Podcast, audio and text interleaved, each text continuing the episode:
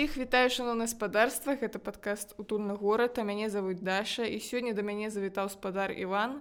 Каб паразмаўляць раптам пра устойлівае развіццё гарадоў. Спадар Іван ён не просто так спадар Іван ён з арганізацыі інтэракцыя і зараз мы яго папросім распавесці крышку пра сябе і ўласна пра арганізацыю інтэракцыі. Дякую вялікі Даша за запрашэнне. Я прадстаўляю тут арганізацыю інтэракцыя раней мы знаходзіліся ў беларусі і наша асноўная дзейнасць вялася таксама ў беларусі зараз мы знаходзімся ў грузіі і працуем у грузіі. Займаемся мы абсалютна рознымі пытаннямі якія звязаны з устойлівым развіццём гарадоў і супольнасці таксама ў гэтых гарадах. Ну гэта могуць быць і рознага кшталту інфраструктурныя праекты это могуць быць праекты таксама ў адукацыйнай сферы для моладзі для дзяцей.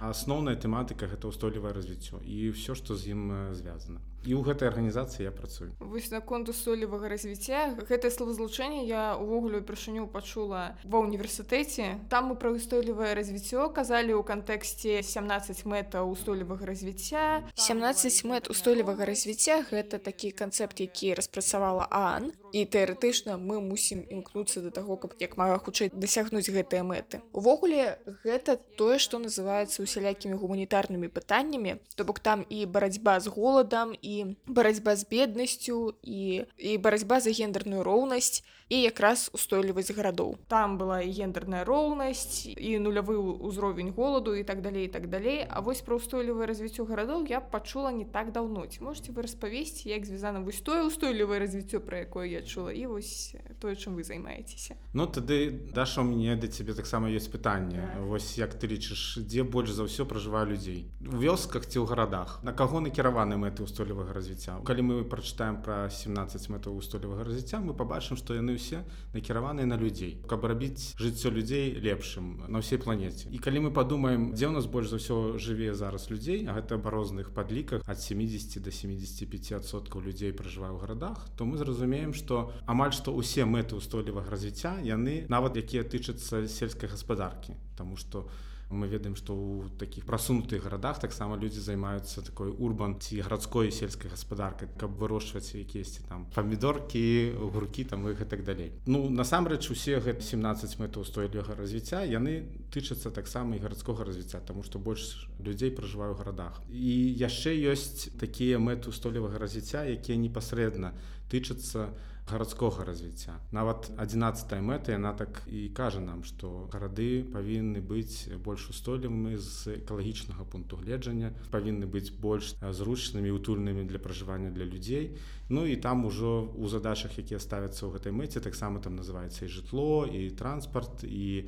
зялёныя зоны і гэтак далей гэтак далей все што робіць наше жыццё ў гарадах комфорт Таму ну я б сказаў што гарады і мэту столевага развіцця гэта ўсё ўзаемазвязана суадносна людзі якія ставяць сабе за мэту рабіць гарады больш устойлівымі яны таксама маюць на ўвазе што гэта гарады мусіць быць гендерна роўнымі mm -hmm. там не мусіць быць голаду само сабой яны мусіць быць экалагічнымі то гэта ўсё у любом ўсё комплексе так. ну глядзіце ан увогуле заклікае рабіць гарады і пасяленні не толькі ж гарады існуюць інклюзіўнымі бяспечнымі і устойлівымі ось давайте пройдземся па ўсіх гэтых панятках больш падрабязна што мае на увазе пад імі пад усімі есть такія дакументы у якіх распісана што ан под гэтым разумее. Нават ёсць розныя агенцтвы якія ў рамках ан працуюць. У іх таксама есть розныя падыходы да разумення таго што ёсць такое устойлівы горад і у кожнага ёсць метадалогія кожны у з цих агентстваў яны по-рознаму ацэньваюць як гарады ввогуле выконваюць гэтыя мэты гэтак далей гэтак далей. Что тычыцца інклюзіўнасці напрыклад тут разуменне калі просто казаць то гэта інклюзіўная інфраструктура. Ну мы ведаем что інфраструктура гарадская якая ў гарадах існуе яна павінна быць зручнай для ўсіх жыхароў гэтага горада. Ёсць напрыклад групы насельніцтва ў гарадах з нейкімі такімі спецыфічнымі патрабаваннямі. Напрыклад людзі з інваліднасцю ці матулі там з каляскамі ці напрыклад веласіпедысты ці больш сталага ўзросту людзі для іх ёсць такія спецыфічныя патрэбы. Вось інфраструктура павінна быць прызвычайна для патрэб такіх людзей. Гэта з пункту гледжання інфраструктуры. Таксама інклюзіўнасць гульчае ўжо больш такі разуменне больш шырокае што людзі павінны мець доступ да да розных сацыяльных паслуг напрыклад. Яны павінны мець такі ж доступ да рынку працы яны павінны мець доступ да напрыклад турыстычнай інфраструктуры і так далей калі мы паглядзім напрыклад на прыклады якія існуюць у самых такіх прасунутых гарадах Еўропы то то мы убачым что для людзей якія перамяшчаюцца на вазочку да ты заўважыш напрыклад таких людзей нават у тэхнаклубе яны таксама будуць там танчыць і гэтак далей. Для іх створаны спрыяльныя умовы каб яны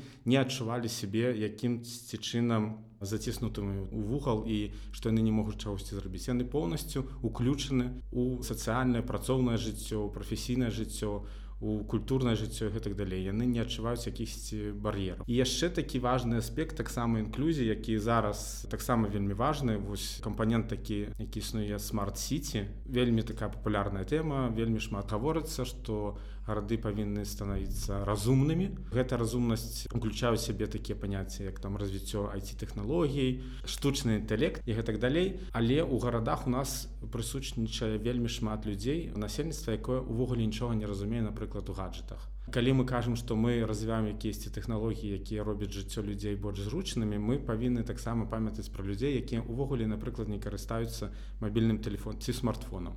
Інклюзія подразумевает тут таксама і такую інфармацыйную адукацыю. Людзі таксама павінны ў гэтым сэнсе быць больш прасунутымі каб умелі карыстацца гэтымі тэхналогіямі. Ці для іх павінны быць створаны якісь умовы каб яны без гэтых тэхналогій таксама маглі рабіць то што ім патрэбна будзе? Ну, вось наколькі я памятаю ангельскую мову інклюзія гэта ўвогуле уключнасць. То бок калі мы плануем наши гарады мы робім так каб ніхто не быў выключаны з гэтых гарадоў. З інклюзіяй разабраліся. А вось наконт бяспечнасці што мы под гэтым подразумеваем Таму что таксама можна з розных бакоў падхадзіць там і злачынства і прыродныя умовы нейкія што заўгодна. Ёсць розныя кампаненты таксама у мэтах устойлівага развіцця. Часцей за ўсё мы чуем аб тым што под бяспекай у гарадах калі мы кажам пра гарадское развіццё таксама мы разумеем што гарады павінны быць прыстасаваныя к э, розным наступствам якія з імі здараюцца пасля напрыклад якісьці такіх прыродных катаклізмаў да? Напрыклад там павадкі там пажары мы ведаем землетрусы засухі адсутнасць вады гэтак далей гэтак далей ёсць такая нават сіндайская канвенцыя у якой дзяржавы працуюць з тым каб станавіцца больш такімі безопаснымі за пункту гледжання вось гэтых прыродных на ўсякіх катастрофы наступстваў разумеецца што бяспека таксама з пункту гледжання як вы кажаце памяншэнне крымінальных розных здарэнняў. Ці бяспека напрыклад таксама разумеецца бяспека транспартнага руху тому что это вельмі такі важны кампанент развіцця гарадоў. І чым менш у нас людзей попадаю у рознага аварыі ці дарожныя дарэнні здарэнні якія адбываюцца это таксама бяспека насамрэч там вельмі вельмі вельмі шмат кампанентаў розных у мэтах устойлівага развіцця якія тычацца бяспекі ў града вось напрыклад у гэтым годзе у грудні адбылася здарэнне калі раптам вырубілася электрычнасць па ўсім горадзе. То бок літаральна не працавала нічога. Усталі тралейбусы перасталі пераключацца сігналы светлафора і гэта было быццам бы вельмі небяспечная сітуацыя. Нейкім судам адбылося так што не здарылася ніводнай аварыі прытым што раптам і атрымліваецца что калі у вас раптам выключаецца станцыя якая акумулюе электрычнасць і не пачынае працаваць пры гэтым нейкая запасная станцыя падстанцыя. Ваш горад нельга назваць бяспечным. Вось я б не сказаў што ад гэтага становіцца небяспечным Таму што гэта рызыка і у нас калі у горадзе існуе інфраструктура то зразумела што з гэтай інфраструктуры час ад часу у нас ёсць розныя сітуацыі калі гэтая інфраструктура не працуе. Гэта нармалёва калі ў горадзе ёсць праблемы. Іншая справа што мэты устойлівага развіцця яны дапамагаюць і даюць параду гарадам як у такіх сітуацыях з такімі праблемамі спраўляцца. Калі у цябе ёсць рызыка то ты можаш падрыхтавацца да гэтай рызыкі. І калі напрыклад у цябе вырубаецца святло ва ўсім горадзе у цябе ёсць напрыклад там 20-30 генератараў якія ты подключаеш у пунктах дзе найбольш важна спажыванне электрычнасці там у шпіталях там у дзецкіх садках там і гэтак далей. Такая крытычная інфраструктура. І калі горад падрыхтаван да гэтага і у яго ёсць заўжды такі запасныя інфраструктура ці абсталявання уразлівасць да такой рызыкі не вельмі вялікая І вось гэта ўстойлівы горад. Калі горад не працуе над такімі рызыкамі, не прадумвае гэтыя рызыкі наперад, напрыклад, не рыхтуе сваю інфраструктуру да такіх рызык і гэтак далей, то тады горад з'яўляецца неустойлівым. Так. Вось устойлівасць пра тое, што мы нармалёва рыхтуемся да гэтых рызык і можам так хутка на іх рэагаваць і на якасці жыцця ў горадзе і на якасці жыцця жыхароў горадзе вось гэтыя рызыкі не вельмі значна сказваюцца. То бок у любым горадзе напрыклад будуць адбывацца пажары але калі хутка прыязджаюць супрацоўнікі МНС і ўсё хуценька патушылі то гэта устойлівы горад.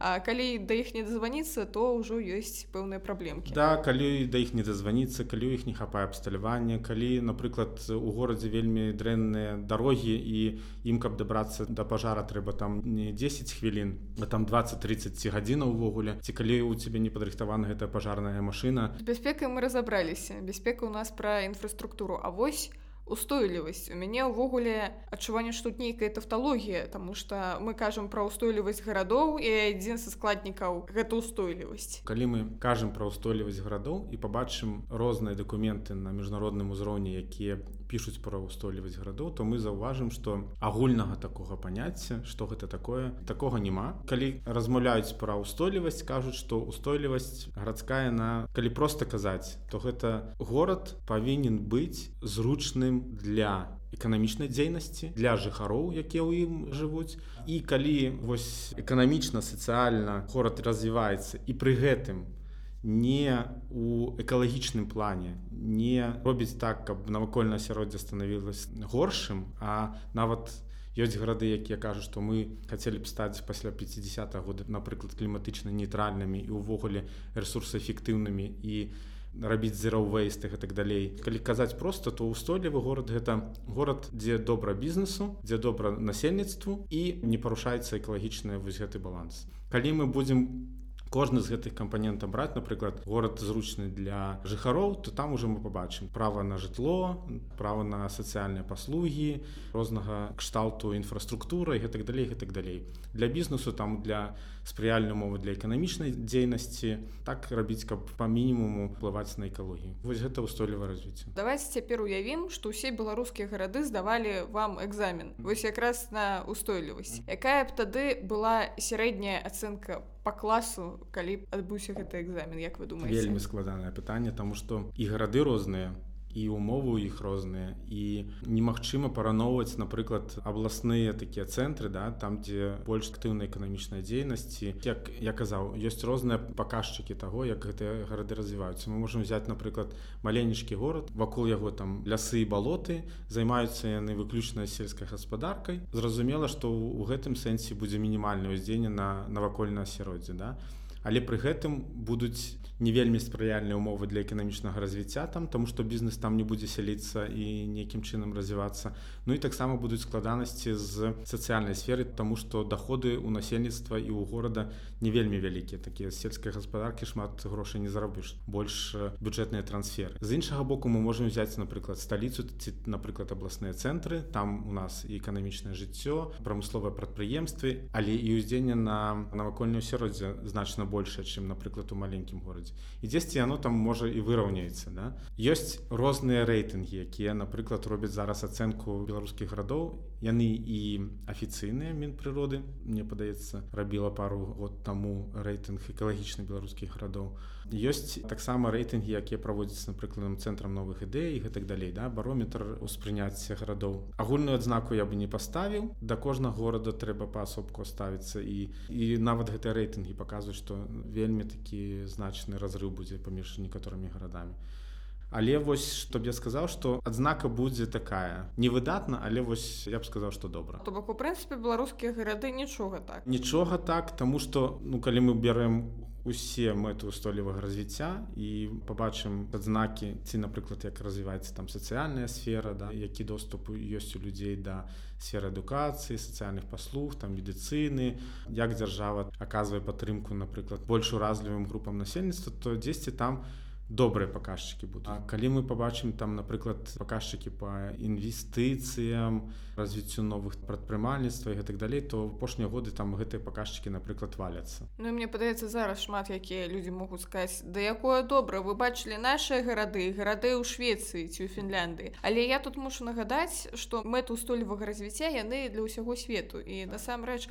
аб'ектыўна кажучы беларускія гарады на агульным фоне ўсяго света яшчэ нічога сабе. Яны маглі б і лепш быць Таму што патэнцыял такі ёсць і жаданне ў жыхароў таксама ёсць гэтымі тэматыкамі займацца можа дзесьці не хапае ресурсаў і палітычнай волі гэтымі пытаннямі займацца такімі больш сур'ёзнымі рэформамі але увогуле працэсы такія добрыя адбываюцца а месцы гэта не стаіць вось да апошняга часу і вельмі шмат праектаў такіх былі беларусі рэалізоўваліся якія датычыліся там якасці водных ресурсаў все што касаецца там ачысткі воды у гарадах все что збрасывается потым у рэкі і все что там выліваецца потым балтыйскае море і так далее. Вельмі шмат проектаў было зроблена вось у гэтай сферы. Вельмі шмат было зроблена напрыклад у сферы працы з адкідамі бытавымі вельмі шмат рабілася ў сферы скарачэння спажывання электраэнергіі і энергіэфектыўнасці і гэтак далей такая праца могла б больш актыўна весцісь але на жаль такія у нас ресурсы. Все одно лепшае чым у якой-небудзь цэнтральнай афрыканскай рэспубліцы я не быў цэнтральна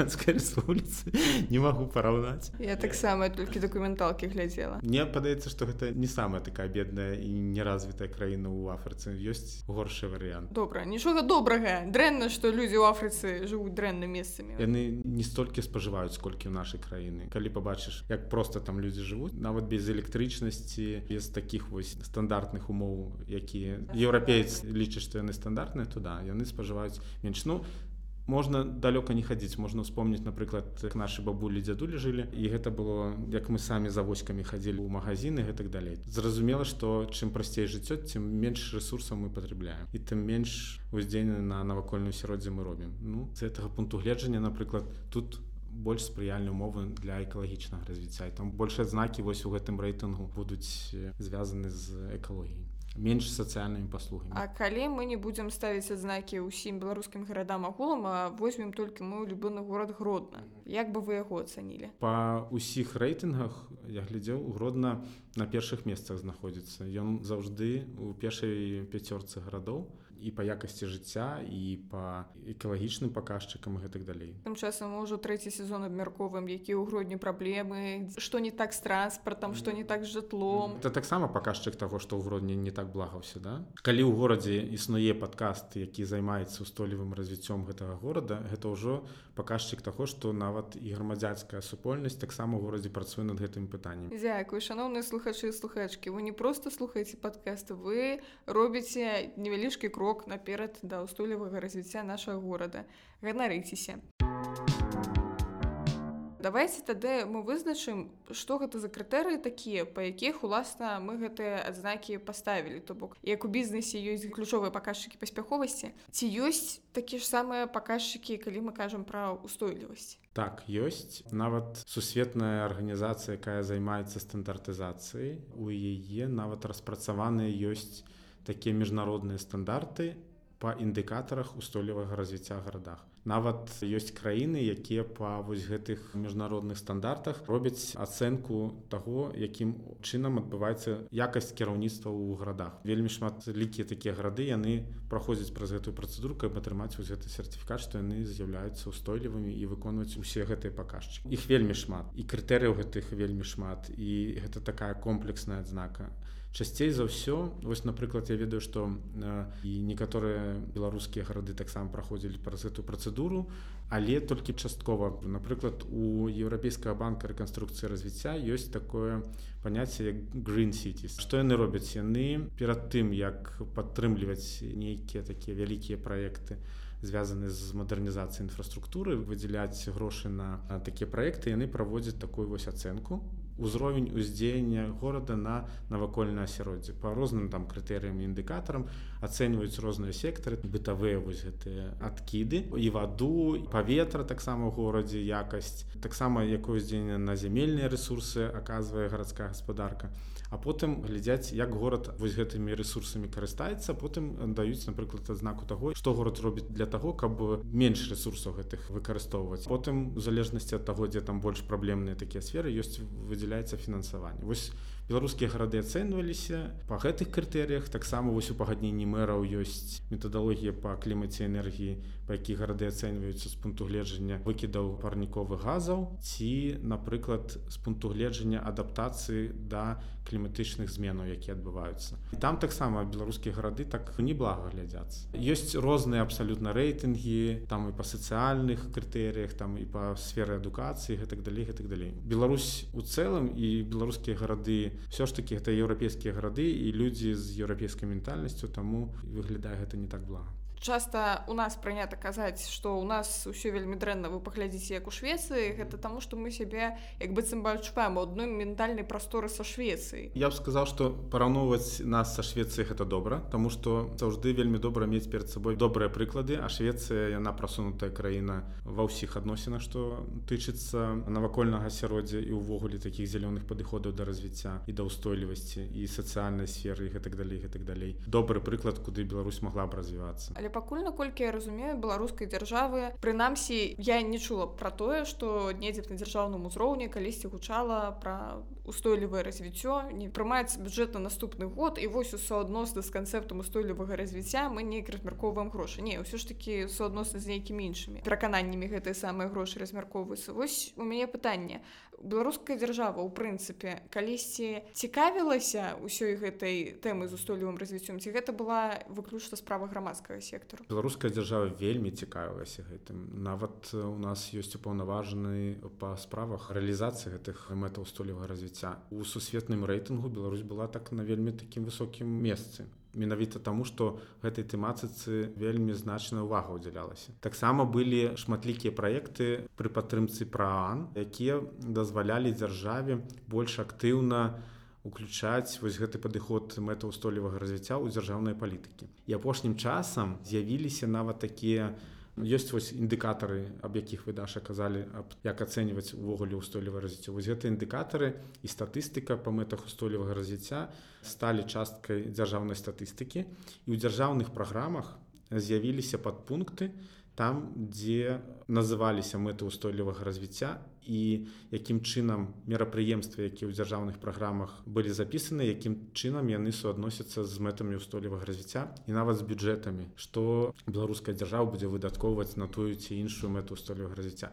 Гэты працэс пайшоў з дапамогай сусветнай супольнасці і падыходаў якія робяць пран і ан іншая справа что у нас есть вельмі шмат праблем у беларусі да? Мы ведаем что у нас есть праблемы з дэмакратыяй у у нас есть праблемы з бяспечнасцю там для людзей гэтак далей гэтак далей з бяспечнасцю для бізнесаў і гэтак далей. Неяк так складаецца тому что мэта устойлівага развіцця вось такая агульная канцэпцыя якая не глядзіць часа часу у сутнасць рэчаў і ў праблемныя рэчы А вось у нас ёсць індыкатар як бы б'ецца ён добры таму мы і высокую знаку ставім вам. А насамрэч што за гэтым індыкатарам у адбываецца насамрэч там ёсць праблемкі. Напрыклад як з парламентам. Там быццам бы гендерны баланс 50соткаў жанчын але калі разабрацца то гэта парламент не парламент. Это вельмі добры прыклад. Для статыстыкі для індыкатара у нас все за best. А калі глядзець на якасць гэтага індыкатара тут узнікаюць пытанні. Таму маем то што маем. Калі глыбей паглядзець у гэты рэйтынгі ў гэтай індыкатары то я думаю что можа быть мы б зразумелі что адзнакі бу беларусі былі беларускіх радоў не такія высокія. Пару балаў за плагіят ну за плагіат или як ёсць такое моднае слово ачкаўцірацельства вось за ачкаўцірацельства таксама і яшчэ мне падаецца что нягледзячы на тое что Беларусь далучалася да ўсіх гэтых файных канцэпцый гэта неяк было не на слуху. Про флікеры якія-небудзь якія трэба абавязкова насіць про гэта была і реклама по тэлебачанню і нейкія билборды гэтыя флікеры значыць раптам з'явіліся у дзяржаўных крамах побач з жувашкамі. А вось про ўстойлівае развіццё неяк не было. Вось меншасці такая аналогія что просто ёсць нейкія такія такія праграмы дзяржаўныя якія п'ярцца А гэта калі не цікавіся то не даведаешся. Вельмі складана параўноўваць тому что мэта устойлівага развіцця это такая вельмі абшырная такая шырокая тэма і займаюцца гэтай тэмай спецыялісты. Больш людзі якія у кіраўніцтве напрыклад гарадоў ці там дзяржава ці там міністэрства знаходзяцца. Познім моманце пачалі людзі размаўляць аб тым што вось гэтыя глобальныя мэты устойлівага развіцця для іх патрэбна лакалізацыя яны павінны спускацца ўніз на ўзровень гарадоў. І гэтая праца толькі пачыналася ў беларусі. Таму пасля два года яна так вельмі хутка схлопнулась. Не вельмі шмат людзей праектаў імі займалась вось тая грамадзянская супольнасць якая увесь час займалась прасоўваннем гэтай тэматыкі яна знікла і ёй не даюць больш працаваць. Таму у зараз не вельмі шмат пачуць можна пра мэту устойлівага жыцця. А пра бяспеку ну канешне дарожную бяспеку мы будзем заўжды чуць таму што это міністэрства унутраных спраў гэта іх статыстыка і бяспека на дарозе гэта адна такі галаўны боль для іх. Ну і гэта вельмі важное пытанне. І я так разумею што вынікі гэтай працы таксама былі такія значныя. Сапраўды бяспека на дарогах палепшылася. Можа быць мала было чутно пра гэту тэму таму што яна такая складаная і распіярыць вельмі складана таксама. Вось мы кажам пра мэты устойлівага развіцця.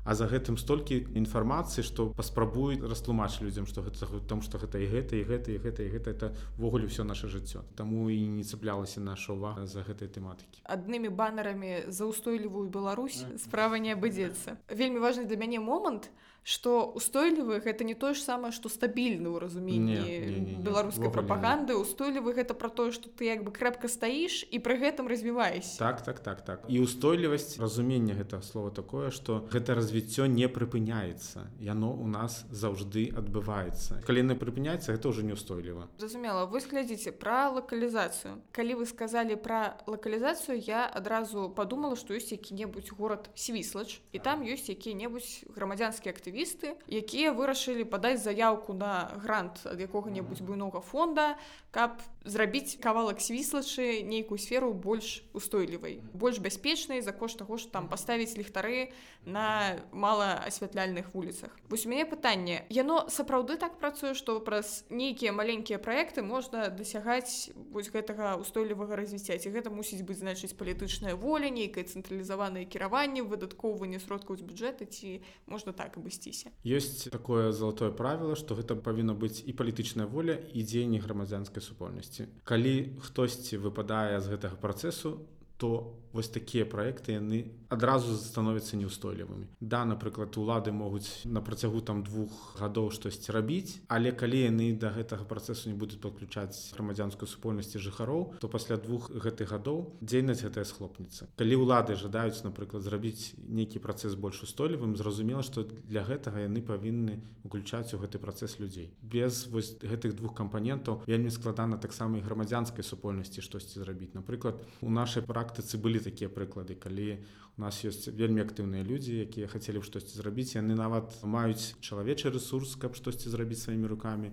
Нават сабралі якісьці грошы дзесьці знайшлі таксама фінансаванне ад бізнесу. Ну і хацелі б штосьці зрабіць дзіцячую пляцоўку ці там у як вы кажаце напрыклад на беразе рэчкі можна штосьці інфраструктуру зрабіць і там зрабіць парк зялёную зону і гэтак далей. Але зразумела што калі проект датычыцца якой-небудзь інфраструктуры тэрыторыі гэтак далей то без дазволу мясцовых уладаў таксама гэта не зробіш. І без садзейнічання таксама мясцовых уладаў гэтага не зробіш. А гэта такія значныя проекты якія якраз таки на устойлівасці горада і адбіваюць. Вельмі важна каб там задзейнічаны былі ўсе. Гэта такі прынцып устойлівага развіцця усіх каго толькі можна усіх стэкхолдерах заінтарэсаваныя бакі павінны быць удзельнікамі гэтага працэсу. А вось напрыклад проект які рабіла інтэракцыя по асвятленню поласка. Па-перша у мяне пытанне чаму тады быў менавіта поласка не мінскі які-небудзь сталіцы ўсё-такі першае што ў мінску ёсць гэта шмат ресурсаў. І чалавечага капіталу і фінансавых ресурсаў. Мінск вельмі багаты горад які можа сабе дазволіць самастойна рэалізоўваць такія цікавыя праекты. Нават кампаніі якія займаюцца асвятленнем у якіх таксама ёсць і кампетэнцыі і магчымасці гэтак далей яны таксама знаходзяцца ў большасці ў мінску да? Мінск можа справіцца сваімі ресурсамі заўжды. А вось сярэднія гарады абласныя цэнтры ці вось гарады ад 50 до 100 тысяч насельніцтва да там заўжды ёсць людзі якія цікавяцца якія з'яўляюцца патрыётамі свайго горада якія цікавяцца новымі тэхналогіямі падыходамі гэтак далей але у іх не заўжды ёсць ресурс каб штосьці такое рэалізаваць. Інтэракцыя заўжды займалася такімі гарадамі. Мы прыходзілі туды дзе была зацікаўленасць у чымсьці рэалізаваць штосьці новае прагрэсіўнае і дзе не хапала ресурса ведаў ці матэрыяльных ресурсаў каб зрабіць нейкі пілот як гэта працуе. Дарэчы вось у полацку было вельмі цікава тому что якраз такім працавалі і з уладамі і з камунальнымі рознымі службамі і з людзьмі з насельніцтвам каб яны ўдзельнічалі таксама. Тому что вызначыць якія вуліцы дзе павінна быць мадэрнізавана гэта асвятленне вызначыць месцы дзе ўвогуле напрыклад асвятлення няма а людзям яно патрэбнае да. І ўвогуле якімсьці спрычыніць такую сітуацыю што людзі калі яны глядзяць і слухаюць пра тэматыку асвятленне ў горадзе становіцца больш энергаэфектыўным і горад такім чынам будзе эканоміць вельмі шмат грошай. Яны гэта могуць рабіць у сябе ў дамах разам з гарадскімі службамі напрыклад мы праводзілі напрыклад два пытанні одно пытанне на пачатку проекта і одно пытанне таксама напрыканцы проекта і мы побачылі что нягледзячы на тое что мы займаліся тэматыкай вулічнага асвятлення вось людзі удзельнічалі яны вызначалі там канцэпцыі для вулічнага асвятлення канцэпцыі для дэкаратыўнага асвятлення вуліцы дзе павінна гэта асвятленне было быць мадэрнізавана напрыканцы проекта падчас другога пытання заўважылі что людзі які ўдзельнічалі ў пытанні яны сказалі что яны пачалі ў сябе ў дамах таксама вводзіць некаторыя энергаэфектыўныя меры і іх спажыванне электрычнасці напрыклад скарацілася там у розных ад 15 до 20соткаў у дамах. Это каб паказаць што калі такая тэматыка ўзнікае ў горадзе людзі робяць глядзяць што яны таксама могуць менш грошай за гэта плаціць выдаткоўваць. Супер і працуе. Такім чынам вось устойлівы горад і дабіваецца вынікаў А як вам ввогуле супраца з органамі ўлады? Якія можа былі складанасці? Ці наадварот усё было абсалютна нескладана? Было вельмі складана ведаеце ёсць такія сталыя падыходы у гарадскіх уладаў камунальных службаў яны працуюць кожны дзень з гэтымі пытаннямі яны уже прызвычаліся неяк вырашаць гэта пытанне. І калі ты прыходзіш з якімсьці новымі падыходамі тэматыкамі гэтых далей і патрабуеш каб гэтыя падыходы ну і з грашыма насамрэч мы не просто прыходзілі казалі что там зрабіце вось так тому что у нас есть суперразумныя эксперты якія кажуць што вось трэба так рабіць. А мы прыходзілі заўжды з нейкім ресурсам калі казалі што вось калі вы хацелі бы там мадэрнізаваць інфраструктуры вырашыць сваю гэту праблему то вы атрымаеце на гэта ресурс але не толькі інфраструктуры яшчэ ў галаве і ў падыходах сваіх вы таксама павінны штосьці змяніць. І вось гэта вельмі складана Таму что вось гэтыя падыходы якія дзесяцілетцямі фарміруюцца там у галавах людзей якія там працуюць потым змяніць это такая вельмі складаная задача. Напрыклад мы гэтыя ліхтары ставілі 30 год. Вось як з мінску прышлюць грошы дык мы адразу ліхтары ставім. Что вы тут прыехалі? Час ад часу так і было але не полацку было вельмі добра у сэнсе таго што там была і зацікаўленасць. Яны прапаноўвалі гэтую тэматыку самастойна. Напрыклад мне сказалі што нам трэба папрацаваць з гарадскім асвятленнем. У нас ёсць гэтым праблемы. У іх вельмі такая добрая каманда і ў выканкамі была у камунальных службах. Ну зразумела там было вельмі шмат пытанняў таму што новыя падыходы усе вельмі баяцца штосьці там такое зрабіць што потым камусьці не спадабаецца. Але ўвогуле з-за таго што тэхналогіі цікавыя і людзі бачылі што што гэта будзе вельмі карысна для гарадской інфраструктуры. Людзі бачылі што гэта для развіцця горада будзе вельмі карысна. І людзі бачылі што маю в адміністрацыі і ў камунальных службах што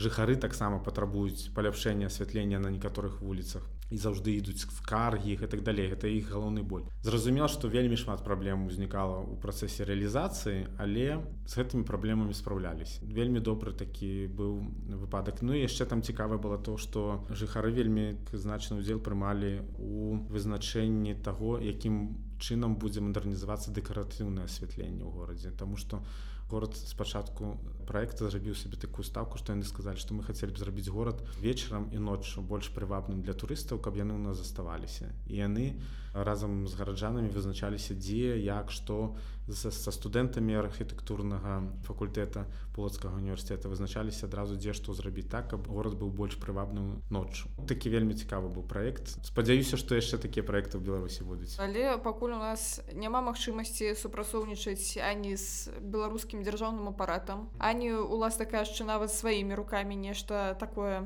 датыкальнае рабіць у беларусі скажитеце калі ласка что нам зараз застаецца каб усё ж таки рабіць беларускія гарады больш устойлівымі не забывацца што гэтыя гарады ў беларусі засталіся і у іх засталіся тыя ж самыя праблемы там засталіся тыя ж самыя жыхары якія ў іх жылі насамрэч зацікаўленасць у такіх праектах яна засталася гэта людзі нікуды не падзеліся з гарадскіх адміністрацый гэта людзі нікуды не падзеліся з камунальных служб зразумела што сёння мы не можемм нічога зрабіць да? Наша задача напрыклад як прадстаўнікам грамадзянскай супольнасці гэта зберагчы той патэнцыял які можна будзе потым выкарыстаць на тое чтобы нашы гарады атрымалі веды практыкі ресурсы і маглі у свой час больш хутка рабіць вось гэтыя праекты па мадэрнізацыі. Таму што калі мы час гэты упусцім сутыкнемся з тым што людзям будзе некамфортна ў гарадах гэтых жыць яны просто з'едуць. З'едуць не ў мінск просто а яны наўпрост будуць з'язджаць там у польшу у літву там дзе гарады больш утульныя і зручныя для развіцця для пражывання гэтых далей. Мы аб гэтым павінны памятаць што вось гэты патэнцыял ён патрэбен зараз мы яго не можемм рэалізаваць але ён будзе патрэбен калі наступіць больш спрыяльныя умовы для гэта. Вялікі дзякую спадар вам за такую цікавую размову. Асабліва наконт утульнага горада. Спадарства шаноўнае трэба падпісацца на падкаст утульны горад подписывайтесь яшчэ на нстаграм інтракцыя джорджі гэта інтракцыя ў Грузіі. Можете паглядзець чым арганізацыя займаецца. Там больш такія праекты ў сферы адукацыі але вось гэта якраз такі тыя праекты якія займаюцца развіццём гэтага патэнцыяла які хутка нам я спадзяюся спатрэбіцца пачуемся вы обязаны оплатить проезд. Набывайте проездные билеты до початку поездки.